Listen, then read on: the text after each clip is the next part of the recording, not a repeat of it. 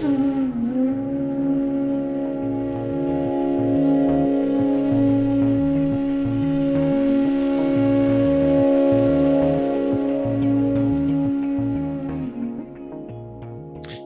başa düşülməyən bir şeyin içindəyik.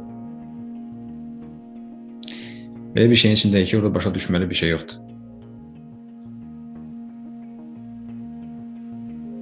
Amma baxmalı bir şey var. Nəfəs kəsici bir şey var, hansı ki, çox qəribədir, çox gözəldir və bilinməyəndir.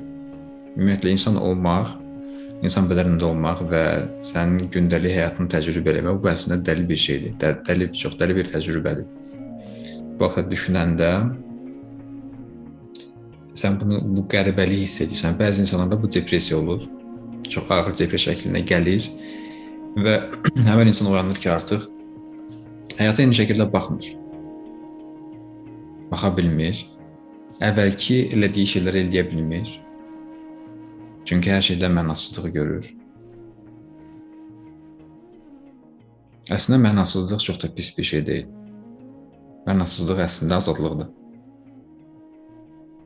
Hər şey mənasızdırsa, bu sənə böyük bir azadlıq verir ki, sən istədiyin şey eləyəsən. Onsuz hər şey mənasızdır.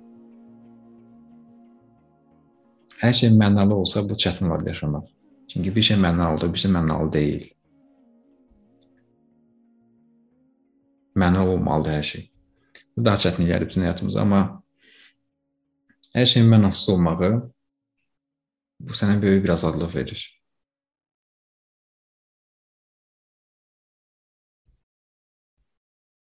Düşüncələrdən, ciddiyyətdən azad olursan.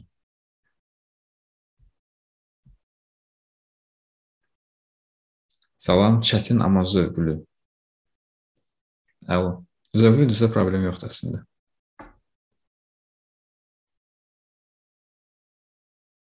Sənin də nə sualın var desən, mən tam oxuya bilmədim.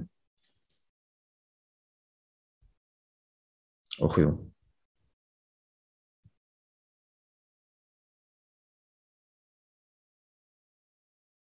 Bəzən özümü müşahidə edərkən insanları anlayıb qınadığımı gör görürdüm, sonra özümdə özümlə işləyərək onları anlamağı, qəbullanmağı öyrənirdim və öyrənirəm.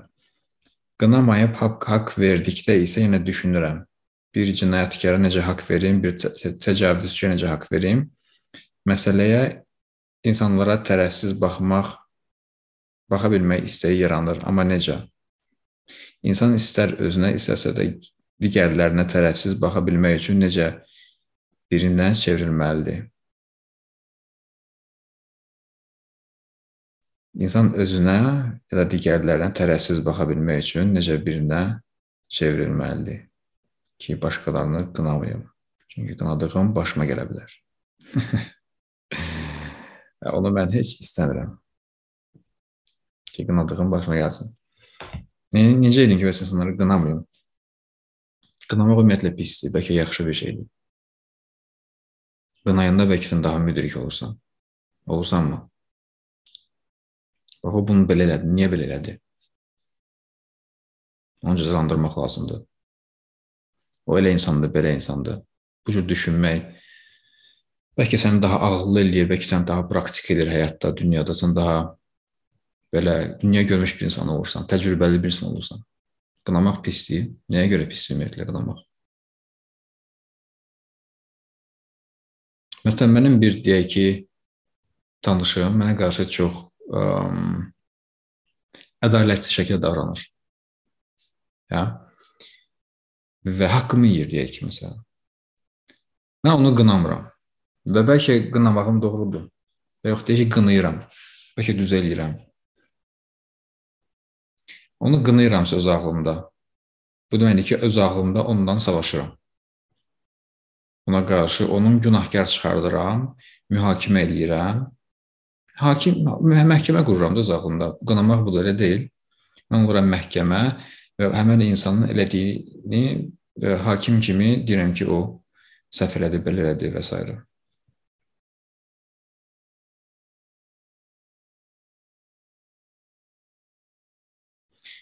İndi burada nə baş verir? Əgər mən bu insanı zalımda qınayıramsa, əgər sən xatırla sən qınadığın vəziyyətləri, anları xatırla. öz ağlında. Onda necə hiss edirsən özünü? Sən ağlında başqalarını qınayanda, tənqid eləyəndə özünü necə hiss edirsən? Əla, gümrah, gözəl, aydınlanmış hiss edirsən ki, çox yaxşı, qınadım onu belə ləzzət elədi, elə yağ kimi əyildi. Belə hiss edirsən, yoxsa içində bir aqressiya yaranır, bir kin yaranır, bir nifrət yaranır, ona əzab vermək, ağrı vermək istəyi yaranır, hə? Qınadığın adamı sən qisas almaq istəyirsən. Qınadığın adama sən əzab vermək istəyirsən. Necəsə istəyirsən ki, o əzab çəksin, ağrı çəksin. Ya sən bunu eləyəsən, ya başqası eləsin, sən necə ki, of, bax yaxşı oldu. Sənə yaxşı oldu. Qınadığımız insan istəyirik ki, cəzalansın. Cəza istəyi. Bu orta əsrlərdə var idi. Qadınları yandırırdılar tonqalda, qadınları başqalarını da yandırırdılar. Və insanlar hamısı gəlirdi, kin, nifrət qusurdular onların üstünə baxırlar ki, yaxşı olursan, yanacaqsan. Və o hər birimizin içində var. O adamlar hər birimizin içində var. Və Hindistanda olanda mən müəllimlə qarşılaşanda görürdüm ki, məsələn, ona qarşı məndə qıcıqlanma yaranır. Hər şeyindən qıcıqlanıram. Hələ ki, mənim müəllimim deyildi, ona xoşum gəlmirdi. Çünki çox rahat gülürdü. Çox daha müdrik idi, çox daha gözəl idi, rahat idi. Mən qıcıqlandırırdı. Mən bunu gördüm özümdə və gördüm ki, əslində məsələn İsa Məsih o vaxtı çarmıxa çəkib öldürdülər də. Yəni gözəl bir insan idi əslində. Deməmişdi ki, heç kim heç biri heç kim heç nə eləməmişdi. Amma onu öldürdülər, qınadılar, məhkəmə qurdular, öldürdülər. Mən gördüm ki, əslində o insanlardan birdən mən idim, yəni onu eləyən. Potensial var, yəni. Eyni eyni şey məndə də var. Sadəcə biraz onun volyumu biraz xodu çox olub onlarda. Onlar bunu bunu eləməyə razı olublar. Bəzilərdə ki, o kimdə ki, bu biraz baş qaldırır, bunu öz içində görür. Bu balaca monster öz içində görürsən və deyirsən ki, bu yaxşı bir yerə aparmır məni.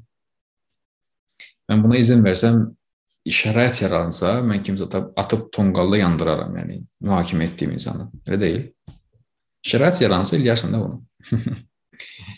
hər bir kəs şərait yaransa qisas, qisas almaq istəyər. Böyük məmnuniyyətlə. Çünki bu sanki hiss edir ki, daha yaxşı olacaq ona. Yəni belə çıxır ki, mənim kimsə qınamağım öz ağlımda aqressiya yaratmaqdır. Kimisi qınamaqla, məhkəmə rolunda çıxış eləməklə ə, Öz ağlımda ona qarşı aqressiya yaradıram və ondan qisas alınmaq istəyi də təbii şəkildə yaranır. Belə bir şeyi axtarıram mən, şans axtarıram ki, qisas olsun. Adam yıxılsın, mən deyim ki, bax, yaxşı oldu. Belədirsə, onda qisas e, qınamaq bu deməkdir ki, mən özümdə aqressiya yaradıram. Mənə sərf eləyir. Mən biraz kapitalistik yanaşıram bu məsələlərə.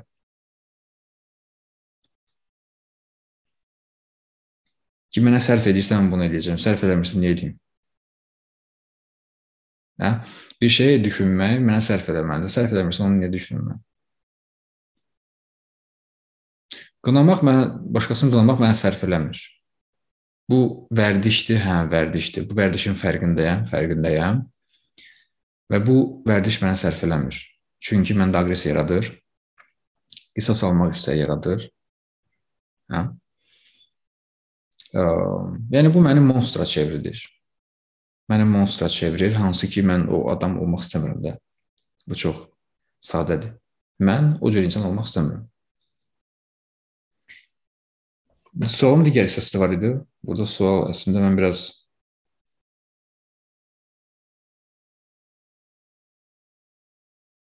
Həm qınamıramsa cinayətkara necə haqq verim, təcavüzçiyə haqq verim.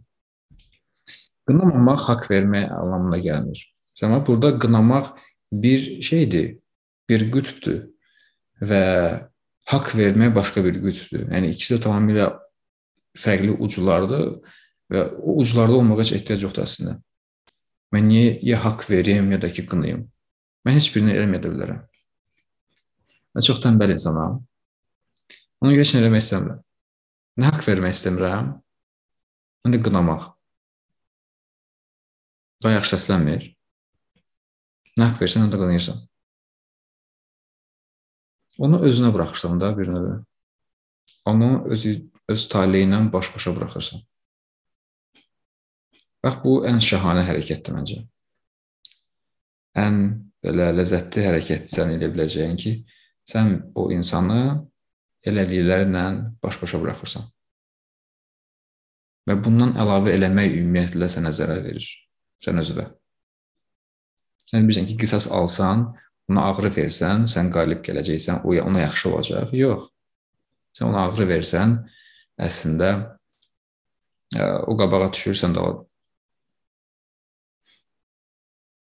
Burada bu şəkildə baxsan ki, sən nə sərf edir? Sən necə uda bilərsən vəziyyətdə? Görürsən ki, qınamaq səni sərf eləmirsən, uduzdursan burada. Sən bariz şəkildə uduzdursan, sən enerjiləri bitirirsən. O digər tərəf qalib gəlir daha çox.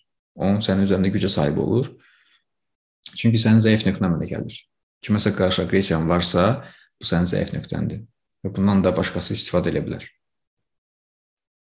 Sən düşünsən bu şəkildə ki, bu mənə sərf eləmirsə, bəs mənə nə sərf eləyir? Mənə sərf eləyir özündə olmaq, sevgi hissində olmaq, varlıq hissində olmaq. O, o, o insanla heç bir əlaqəsi yoxdur bunun.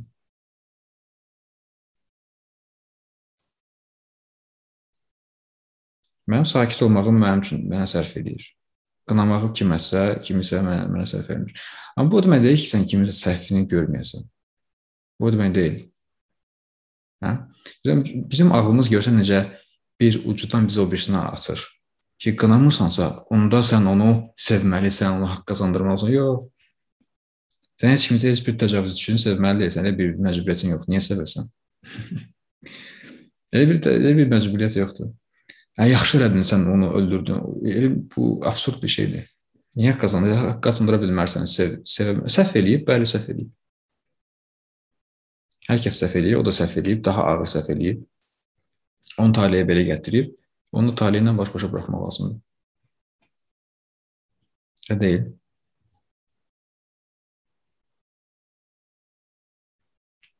Məndə elə bir his olur ki, qınayandan sonra deyirəm ki, öz yoldu özü bilər. Çox aşağı enerjisi var qınama hissinin Ümumiyyətlə, yaxşı və pis mənada kiminsə davranışını dəyərləndirmək asan iş deyil. Çünki o adamın təcrübəsini və motivlərini, detallarını, detalları ilə bilmirsən. Bəli. Çox şey bilmirik. Şərait necə gətirib, ondan əvvəlki baş verən ə, e, səbəblər, nəticələr, bunların heç birini bilmirik. Və bilmədən də nəsə demək də olmur inanmaq da olmur. Nə səhv, nəsə səhv olduğunu görürsən. Bu problemi görməkdə problem yoxdur. Bunu görmək lazımdır ümumiyyətlə. Amma qınamaq başqa bir şeydir. Bu ekstra bir şeydir. Biz edirik. Hansı ki bizdən enerji alır.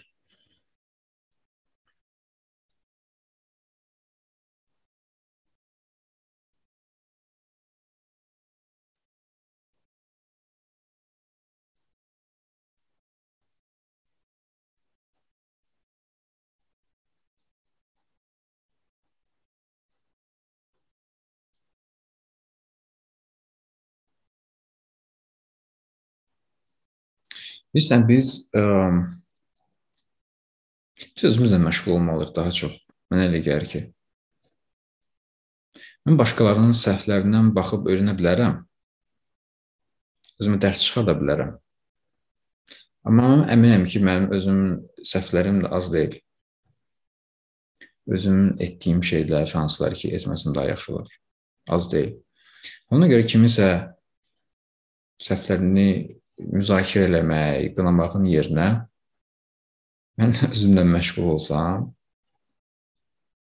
bu mənə sərf eləyər. Yəni mən mənim həyatım üçün, mənim təcrübəm üçün qabağa gedərəm də deyil.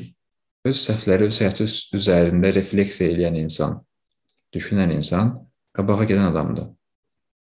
Və adam ki, oturur fikirləşir ki, bu mən nə edirəm həyatımda qardaş? Yəni bu hara hara gedir? Bu indiki həyat tərzim və ya düşüncələrim, əməllərim, fikirlərim məni hara aparır? Bəs mən bunu dəyişdirsəm məni hara apara bilər? Çünki bizim qarşımızda o qədər imkanlar var. Limitsiz imkanlar var əslində. Və hər şey mümkündür. Sənin üçün hər şey mümkündür. Bura, burada olanlar üçün xüsusilə mümkündür, çünki hər, hər biriniz gənc insanlarsınız. Mən bu söhbətləri bir, bir, bir dostuma danışmışdım. Onun yaşı 40-ı keçmişdi və o belə düşünürdü ki, o hər şey mümkündür. Bu biliklərlə onun belə perspektivləri açılmışdı, üfüqləri açılmışdı və düşünürdü ki, hər şey mümkündür Və cavan görəndə davam edir ki, hər şey mümkündür. Və silkələyirdi onları ki, hər şey mümkündür. Sən hər şey edə bilərsən. Hər şey ola bilərsən.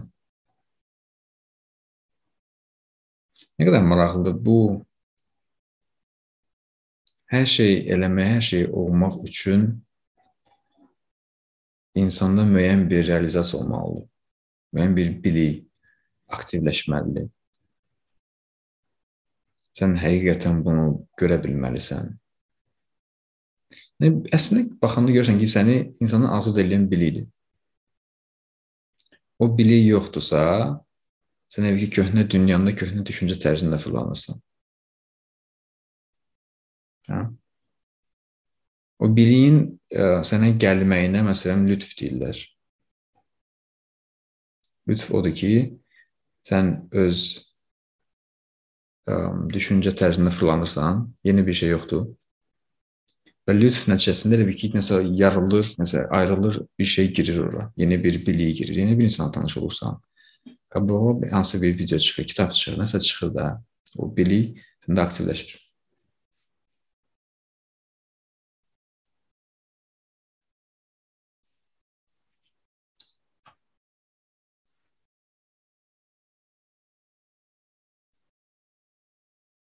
Bir də var, sən daimi şəkildə lütf vəziyyətində ola bilərsən daim şəkildə yeni biliyə açıq vəziyyətdə olmaq. Necə elə bir şey mümkündür? Ki, mən hər zaman belə bir lütfə, belə bir lütf gələndə yeni bilik, yeni bir imkan və ona açıq ola bilim. Bu necə mümkündür? Mən nə fikirləşməliyəm bunu eləmək üçün, nə etməliyəm?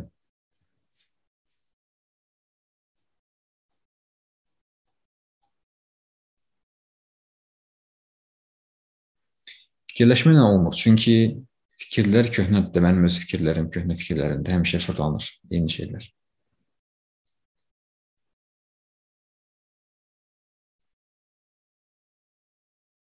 Əslində fikirləşməməklə o insan özünə daha çox yaxşılıq eləyə bilər. Eyni şeyləri fikirləşməməklə. Yəni biraz daha çox baxmaqla. Fikirsiz baxış var. Sən məsələn ola bilər ki, harasa səyahət eləmisən yeni bir yerə və səyahət eləyəndə ətrafa necə baxırsan? Müəyyən, müəyyən heyranlıqla baxırsan, nə deyil? Heyranlıqla baxırsan və təbəssümlə baxırsan və orada olan şeyi həqiqətən görməyə çalışırsan. Yəni orada olan şeyə açıq olursan. Sən orada səyahət edəndə təbii şəkildə o lütf vəziyyətində olursan. Harda ki, sən həqiqətən açıqsan yeni imkanlara, yeni şeylərə, yeni tanışlıqlara, yeni baş verən hadisələrə. O vəziyyətdə ona görə sən çox rahat aldadıb pulu əlinə almaq olar. Ki, gəl gözəl bir restoran tanıyıram, gəl, gəl səni aparım. Hop, lütflə səni keçirtdik. Qırmağa apardıq, pulu əlinə aldıq. Lütf vəziyyətində olmaq deməli ki, axmaq olmaq lazımdır. Sən bu adamları görmək, görə bilərsən, amma ki, hər bir halda yəni də gərək pul qabından ehtiyatlı olasan. Demək istədiyim odur ki, sən müəyyən yerə, yeni bir yerdə gəzəndə tamamilə başqa vəziyyətdə gəzirsən, amma köhnə yerdə gəzəndə başqa vəziyyətdə gəzirsən. Köhnə yerdə gəzəndə görmürsən, açıq olmursan, baxmırsan, daha çox fikirlərə baxırsan, onlarla məşğul olursan. Yeni bir yerə gedəndə özün biraz sakit olursan, ətrafa daha çox baxırsan.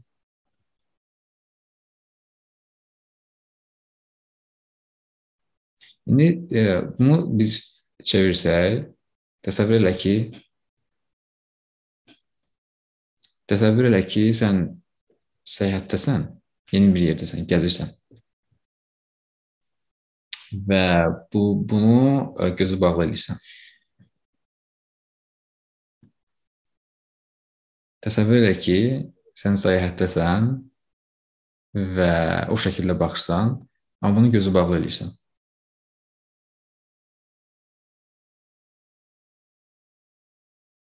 Necə hiss edirsən özünü məsələn? Gözü bağlı belə elə bir yer təsəvvür eləsən. Necə hiss edirsən? Mən gözümü bağlı belə bir şey təsəvvür eləsəm, andaca özümü yaxşı hiss edirəm. Və iç içəridə bir bir İngiliscə bir söz var, wonder. Yəni wonder yəni ki maraqla baxmaq, maraq göstərmək. Maraq yaranır, təbəssüm yaranır səndə. Bax o həmin o vəziyyət təbəssüm, maraq, biraz da sevgi, yəni təbəssüm yəni daha mehriban olursan, yəni. Loving kindness budistlərin sənə öyrətdiyi ilk şey olur həmişə. Mehriban, mehribanlıq xüsusiyyəti. Bax o vəziyyət, o vəziyyətdə sən ideal vəziyyətdəsən. O vəziyyətdə sən ideal vəziyyətdəsən. Gözlərin bağlı otura bilərsən öz evində, heç bir yerə getməmisən, amma ki, artıq sanki səyahət edirsən. Gözlərin bağlı olsa bu daxili səyahətdir. Və içəridə baş verən şeylərə gözü bağlı bu şəkildə baxırsan. Heyrətlə, maraqla, mehriban şəkildə. Buna biz deyirik meditasiya. Özünə doğru səyahət.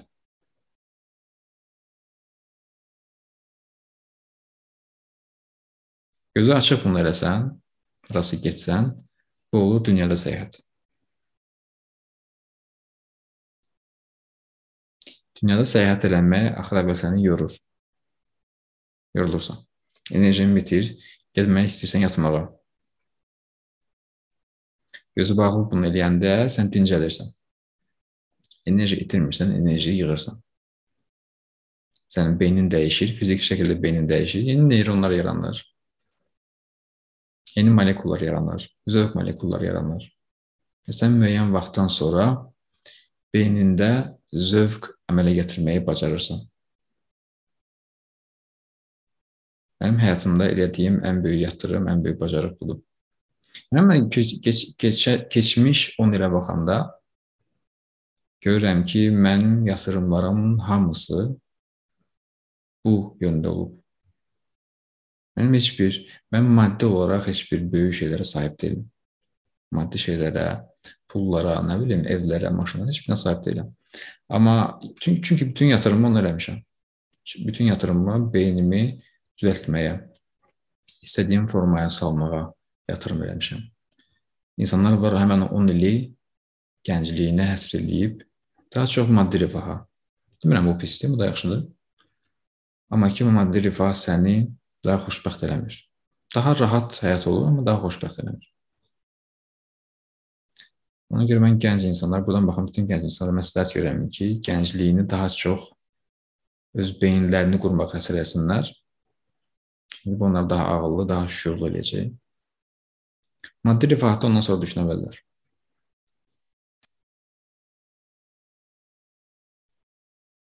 Hər dəfə gözü bağlı səyahət vəziyyətində oturanda Gözü açıq da otursun, amma eyni vəziyyətdə. Sən öz beynini dəyişirsən. Öz seçiminlə sən öz beynini dəyişirsən.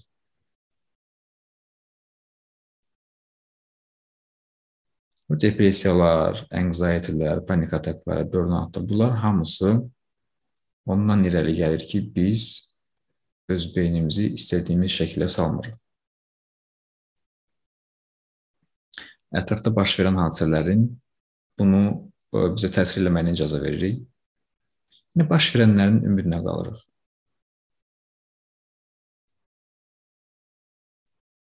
Əslində isə sən özün yaradıcısan. Sən özün yaradırsan, yəni. Sən yaradan insansan. Sən öz beynini sən yaradırsan, öz bədənini sən yaradırsan. Öz əhvalını da əslində sən yaradırsan. Və istəsən daha çox bu yaradıcı qabiliyyətə sahib olmaq mümkündür. Bunu tez-tez eləməklə sadəcə. Bilirsən bu elə bir şeydir ki, sən necə ki yeni dil öyrənirsən, yoxsa yeni bir musiqi alətini ifa etməyi öyrənirsən, sən gərək onu tez-tez eləyəsən. Tez-tez elədikcə daha yaxşı bacarırsan. Bu da onun kimi bir şeydir.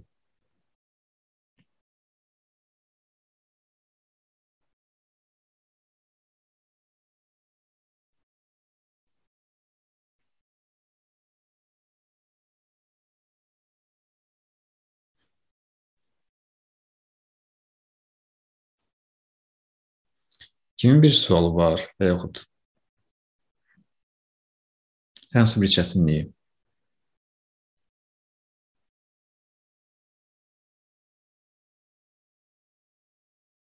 Ümumiyyətlə hər hansı bir çətinlik olanda onu çalış onu bölüşəsən. Mütləq mənlə yox, kimlənsə. Kimlənsə, öz dostun ola bilər, sevdiyin bir insanla ola bilər doğmanla, yaxınınla ola bilər. Kimlə ki danışa bilərsən. Çünki o çətinliyin yarısı danışanda gedir. Onun yarısı sən danışanda, bölüşəndə gedir. Artıq üstündən müəyyən qədər yük düşür. Qalanını da düzəltmək üçün artıq nəsə eləmək lazımdır.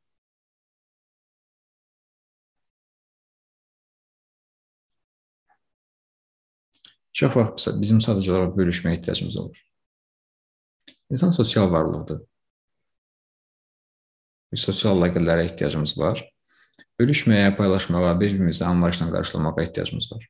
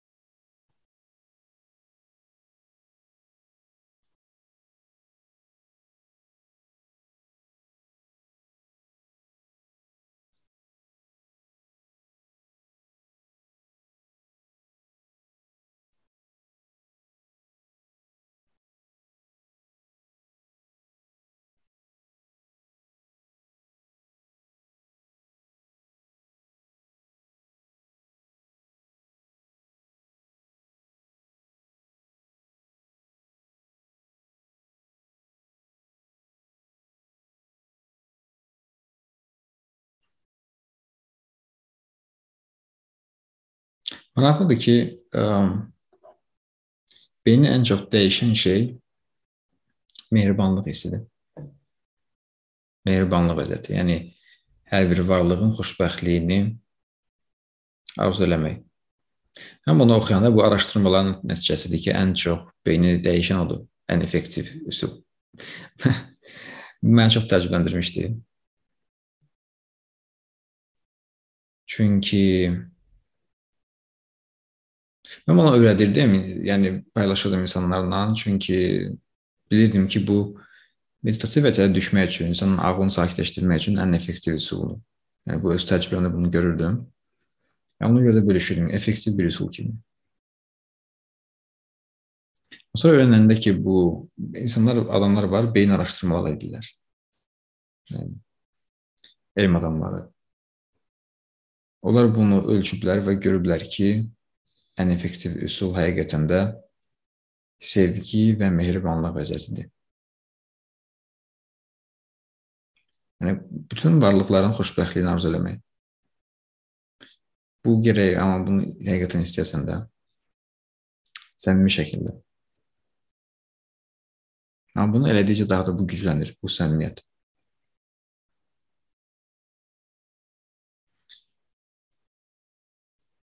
Hər bir çətin vəziyyətdə mən həmişə bundan istifadə etmişəm.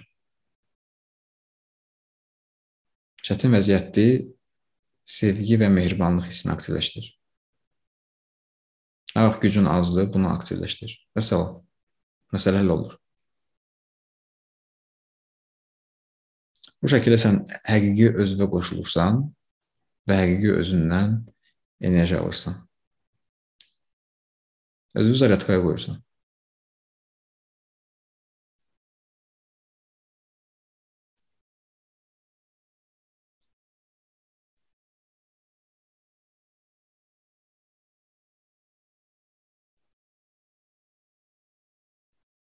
İstən insan çıxış yol axtarır. Və öz ağlında kimisi kimisi depressiyadan çıxış yolu axtarır, kimisi sakitlik axtarır, kimisi özündən çıxış axtarır. Və mental olaraq ağlı gəzir, bir çıxış axtarır, bir çıxır. Harasa hardansa çıxmaq istəyir, tələdən çıxmaq istəyir. Amma elə bir çıxış yoxdur ağılla. Sən o çıxış yolu axtaranda o çıxış yolunu tapa bilmirsən. Çox elə bir çıxış yolu yoxdur. O çıxış yolu əslində o çıxmaq istəyənin yox olmağıdır. Bu da o zaman baş verir ki, sən sevgi vəziyyətinə gəl gəlirsən. Sevgi və mehribanlıq vəziyyətinə. O orada elə bil ki, sənin ağlın özündə qala bilər. Çünki biz ağlımızı heç bir yerə qoya bilmirik. Nə ağlı qoysan, o sənin ağlı aparır. Hansı fikrə qoysan, hansı ideyaya qoysan, və yaxud həzz almağa qoysan, hamısı sənin ağlı aparır. Heç bir sənə rahatlıq gətirmir. Rahatlıq o vaxt gəlir ki, sən ağlığı özündə saxlayırsan. Heç bir yerə qoymursan. Onun da o təbii vəziyyəti sevgi və mehribanlıq hissidir. Bunu yoxla bax, görsən necə dəyişir.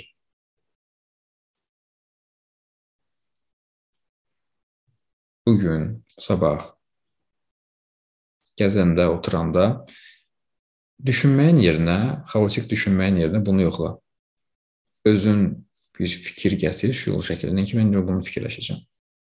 Bu böyük güc əslində. Hər şey buradan başlayır. Sən xaotik fikirləri dayandırırsan və deyirsən ki, bunu düşün. Öz ağlına başlayırsan proqram verməyə.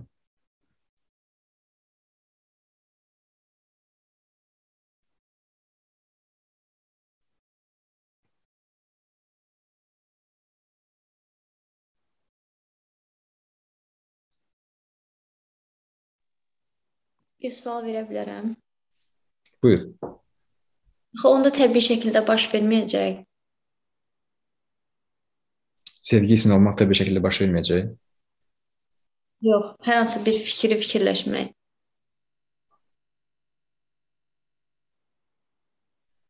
Yəni ki, sən xaotik düşünürsən və onu dayandırıb istədiyin fikri düşünəndə deyirsən ki, bu təbii məcburi.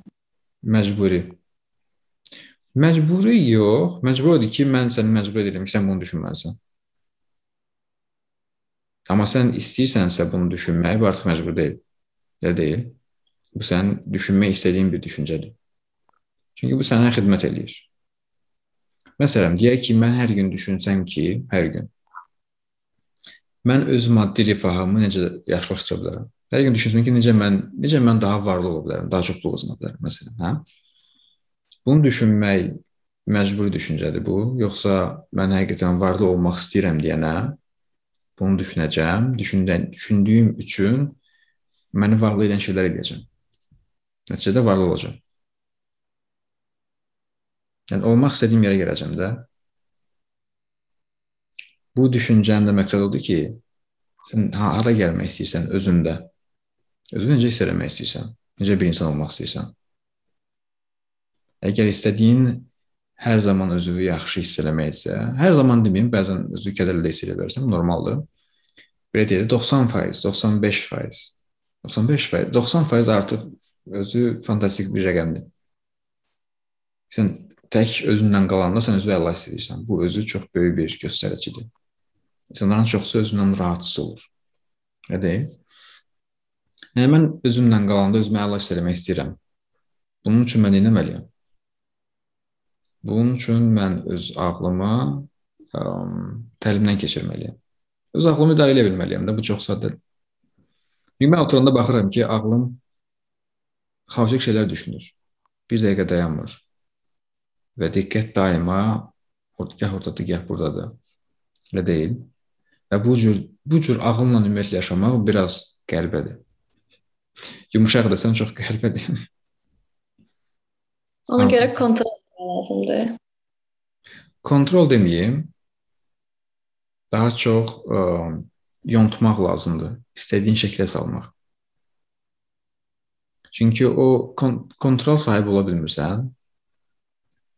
Çünki ağlı kontrol eləmək üçün gərək başqa bir ağıl olsun ki, o birisini kontrol eləsin. Amma ağıl sadəcə sakitləşə bilər. Kontrol yox, ağıl özünə özündə sakitləşə bilər. Daha sakit olduqca sən bunu hiss edəcəksən ki, özünü daha yaxşı hiss edirsən. Bir ağıl var.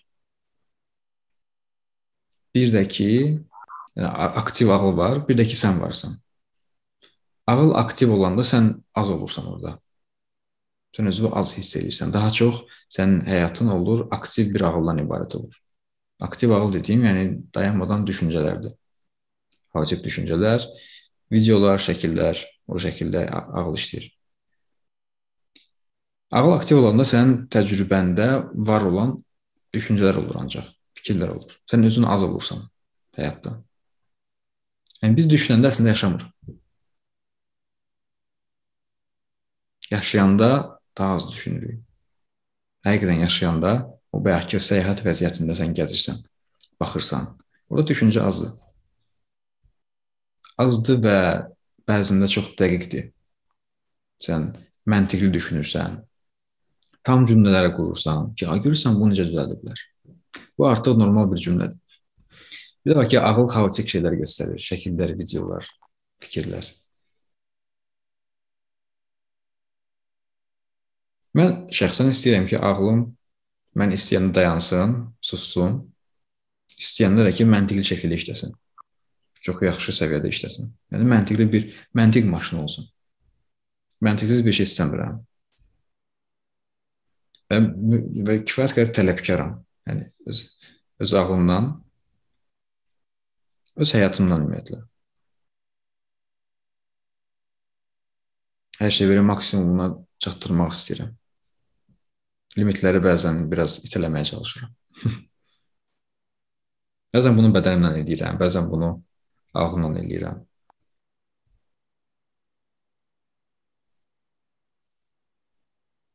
Bunu eləməsə ağıl dəyişmir. Məsələn, mən keçmişə baxanda bunu müqayisə apara bilirəm də. Məsələn, mən məcbur oldum bunu eləməyə. İllər boyu depressiyaya görə mən məcbur oldum. Buna məşğul olum. Çünki başqa bir şey edə bilmirdim. Məcburi şəkildə mən bunu özümü düzəltməyə məcbur qaldım. Və bunu eləməyən dost-tanışa baxıram. Aradan nə qədər vaxt keçib? 10 il keçib. Biz tamamilə fərqli yerlərdəyik.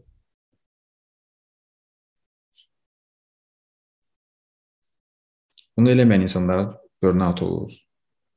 Panik atak keçirirlər, ağır depressiyaya düşürlər, məna tapa bilmirlər həyatda. Xoşbəxtliyi hiss edə bilmirlər. Sən öz təbiət, təbii xoşbəxtliyi hiss edə bilmirsənsə, yaşamaq çətin olur bu dünyada. Hər şey çox qəribə gəlir sənə. Lazımsız gəlir, mənasız gəlir, deyil. Çünki hər şey həqiqətən elədir əslində. hər şey həqiqətən elədir, onu mənalandıran sənsən. Yəni bu dünyanın mənası sənsən əslində. Sənin həyatında, sən xoşbəxt olmağında.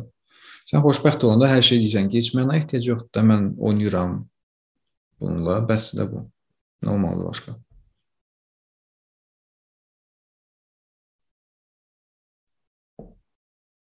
Çətin olur o insana ki, kifayət qədər motivasiya olmur bunu eləməyə. Yəni kifayət qədər həyatında ağrı yoxdursa, əzab yoxdursa, bunu eləməyəcəksən. Rahatam da oturmuşam Facebookda fırlandıram özüm üçün. Nə var, yəni nə xoşbəxtlik arzu etdiyim kiməsə, yəni TikTokdayam, yəni baxıram, paylaşıram, nə bilim, ürək qoyuram. Çox rahatdır yəni həyatım. Çox rahatdır. Arada bir gülürəm, arada bir kədərli oluram, amma normaldır. Yəni bu bu şəkildə yaşasam mən mən özümü yəqin ki, bu şəkildə hiss edə bilməzdim. Bura gəlməzdim. söhbətlərə gəlməzdim. Bu şəkildə dərindən maraqlanmazdım. Mən bir insanla danışırdım, onun müəyyən bir vərdiş problemi var idi. O da danışır. Məsələn, mən bu söhbətləri açıram ki, biraz daha dərindən. O deyir ki, çox dərinə getməyək. yəni bu mənim vərdiş problemi həll elə qalanı məni maraqlandırmır. Həyat haqqında həqiqətlərlə mən dərinə getməyəm. Bu bunu həll elə. Mən əvvəlki həyatıma qayıdım bəs. Amma nə olmur da. Bu problemlər çıxır ki, sən əvvəlki həyatıma qayıtmırsan, qabağa gedəsən, daha dərinləşəsən, müdrik yaşasan, ağıllı olasan daha çox biliyə sahib olsan, yəni inkişaf eləyəsən böyüyəsən. Krizis ona görə yaranır. Krizis ona görə yaxşıdır. Şans verir ki, sən böyüyəsən. Krizis yoxsa böyümürsən. Belə bir şey var.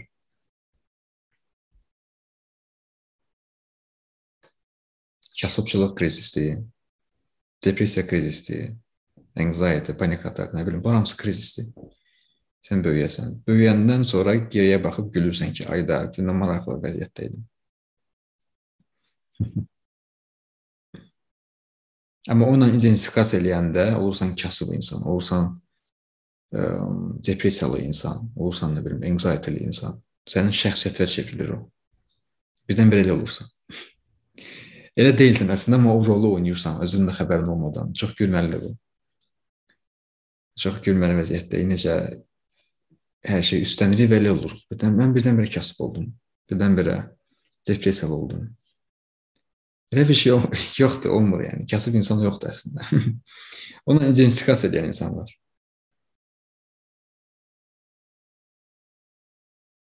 Kasıb insan yoxdur. Ona görə bu Buddadan oturmuşdu ağacın altına gəlib soruşanda ki, sən niyə gedib? Sən dünyaya sahib olmalısan. Sən hökmdar olmalısan, imperatorsan sən. Ayaq izindən baxır, tanıyır bir dənə astroloq. Gərək yaxınlaşır ki, niyə gedib dünyaya sahib olmusan? Deyir ki, mən artıq hər şeyə sahibəm. Mən artıq hər şeyə sahibəm. Bu deməkdir ki, mən öz vəziyyətimdə qalmaqla zənginliyi təcrübə edirəm.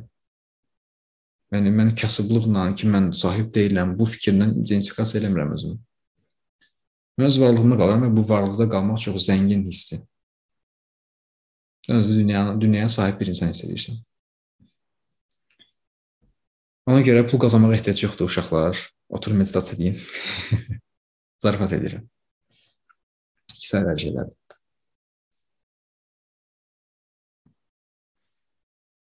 Fərqinə varam ki, 2017-dən bu yana hüzur axtarışındaydım. Daim gündəliyimdə yalnız hüzura niyyət edirdim.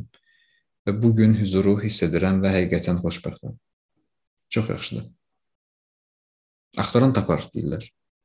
Axtardınız, tapdınız.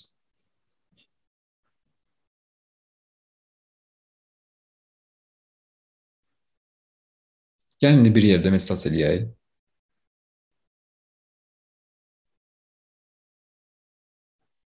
Meditasiya eləmək çox yaxşıdır.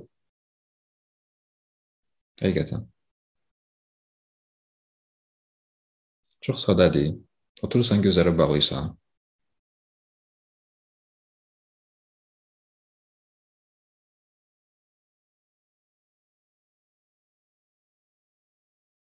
Və rahat şəkildə nəfəs al.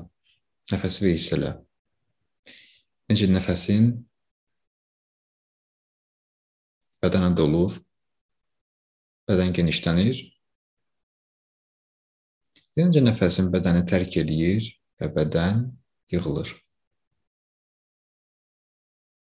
Bu kosmosun hərəkətidir. Kosmos daimi şəkildə genişlənir, yığılır.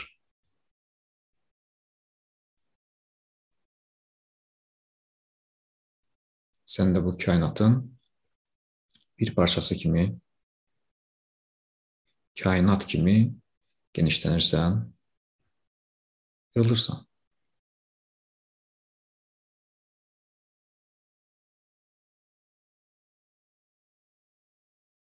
İndi bir addım dərinə keçib biz baxa bilərik ki, sən bu genişlənməyə və yığılmağa baxırsan. Müşahidə edirsən. Sanki bu genişlənən və yığılan bədən sən deyilsən, amma sən ona baxansan.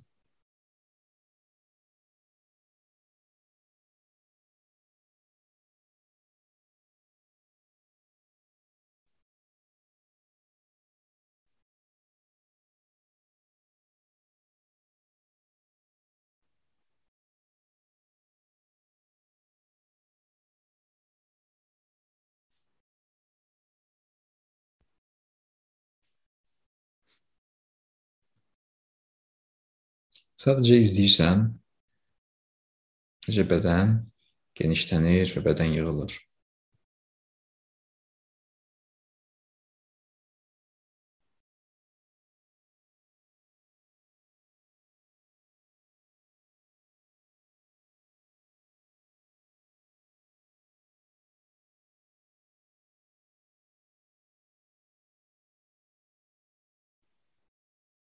Bunu təsəvvür elə.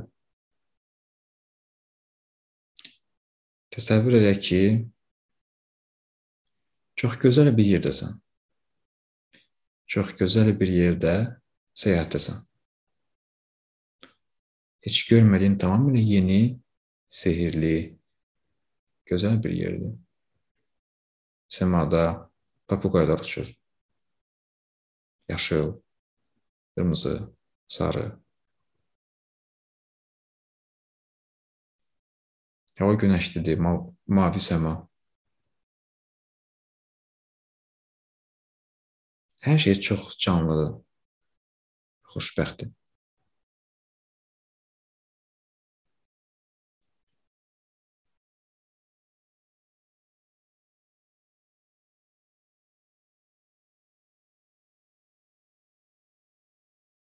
Özünü tamamilə evdə hiss edirsən öz yerində hiss edirsən. Tamamilə tətmin, xoşbəxt hiss edirsən. Nəhayət, nəhayət hər şey öz həllini tapdı. Nəhayət sən qayğısız bir səyahətdəsən. Və hər şey mükəmməldir. Hər şey möcüzəvi şəkildə öz yolunu tapıb.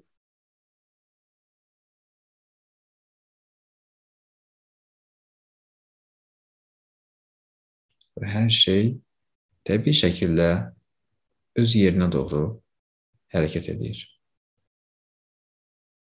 Kəsintisiz bir axın şəkildə hər şey öz yerinə doğru hərəkət edir.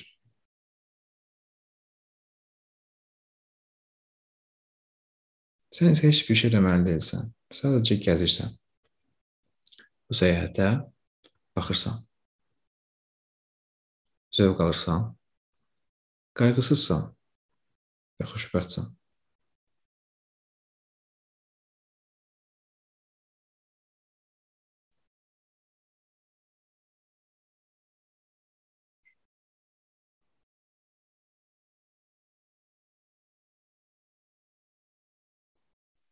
Ona görə zövqlə nəfəs al və zövqlə nəfəs ver.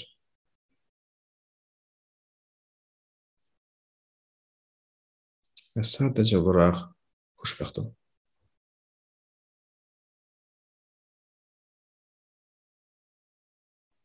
Zövqlə nəfəs alırsan və zövqlə nəfəs verirsən.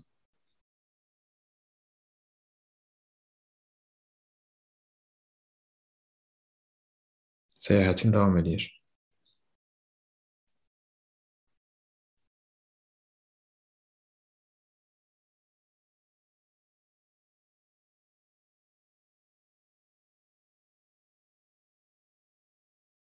Sən hara aparacağını bilmirsən.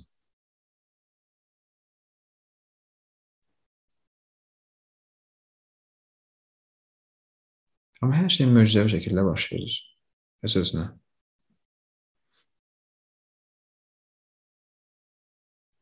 Sənin içində bir his var ki, sən bu səyahətə və onun axarına güvənə bilərsən.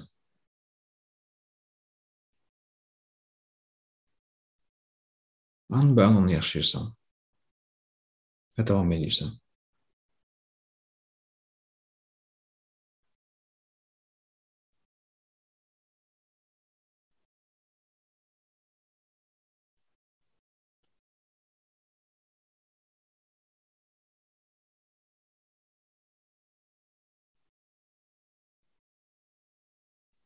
kesintisiz bir axının içindəsən.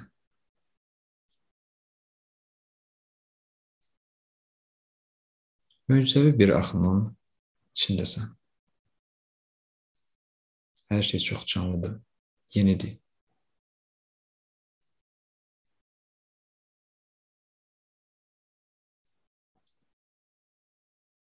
İçində bir heyrət, bir maraq, təbəssüm var. Bunu hiss eləməyin sənə çox xoşdur.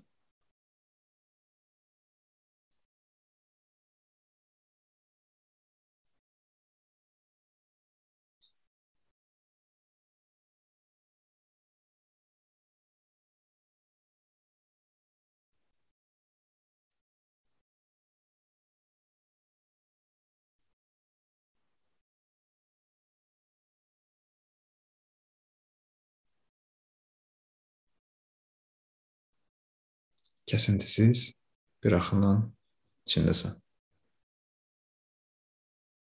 Hər şey öz-özünə baş verir. Hər şey öz-özünə açılır.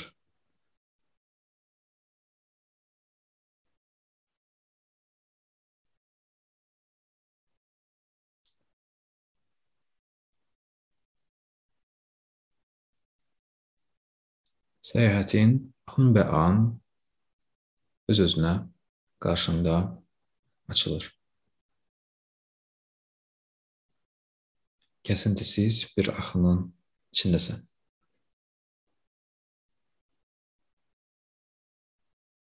An və an səyahətin davam edir.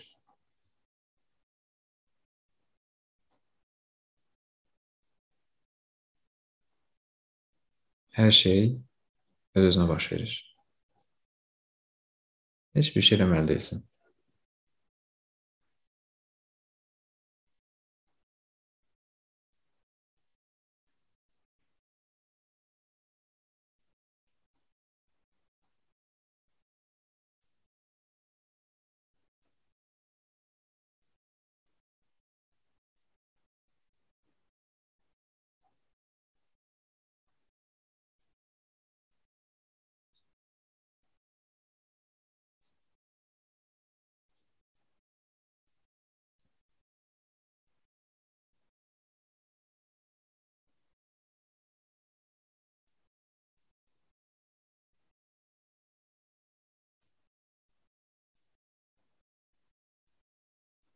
Bədən genişlənir və yığılır.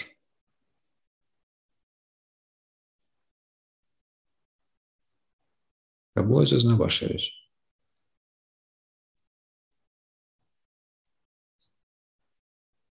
Uzaqdan səslər gəlib sənin qulağa çatır.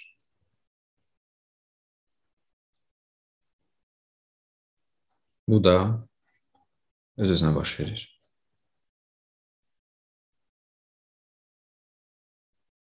Sən an bə an həyatdasan.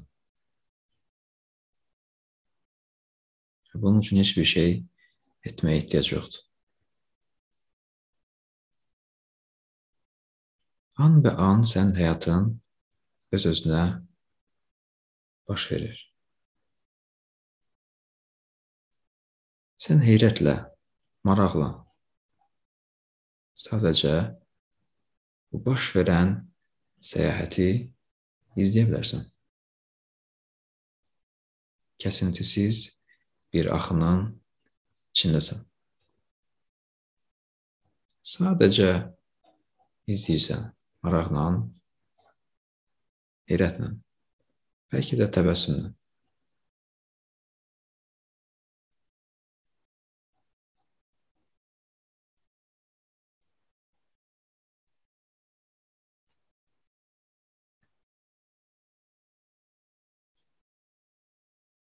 Sən həmişə kəsintisiz bir axının içindəsən. Hər zaman. Bu axın davam eləyir. Hər zaman dayanıb təbəssüm eləyib bu axını hiss edə bilərsən. Sadəcə bu axınla bir yerdə axıb öz səyahətini təcrübə edə bilərsən.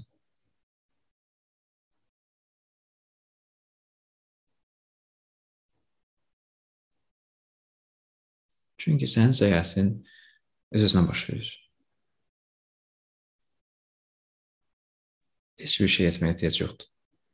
Hər şey öz-özünə sənin qarşında açılır.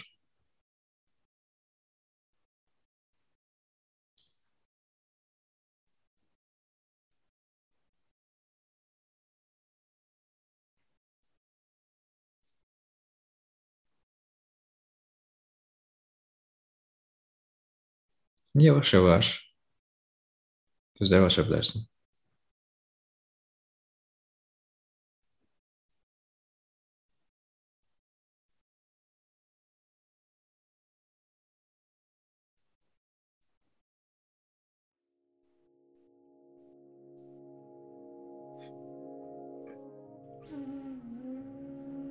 Sadəcə izləyə bilərsən. Bu andan sonra necə sənin həyatın anbaan davam edir, açılır, səyahət davam edir. Və sən sadəcə olaraq hər şeyə heyrətlə, maraqla, bəlkə də biraz təbəssümlə baxa bilərsən.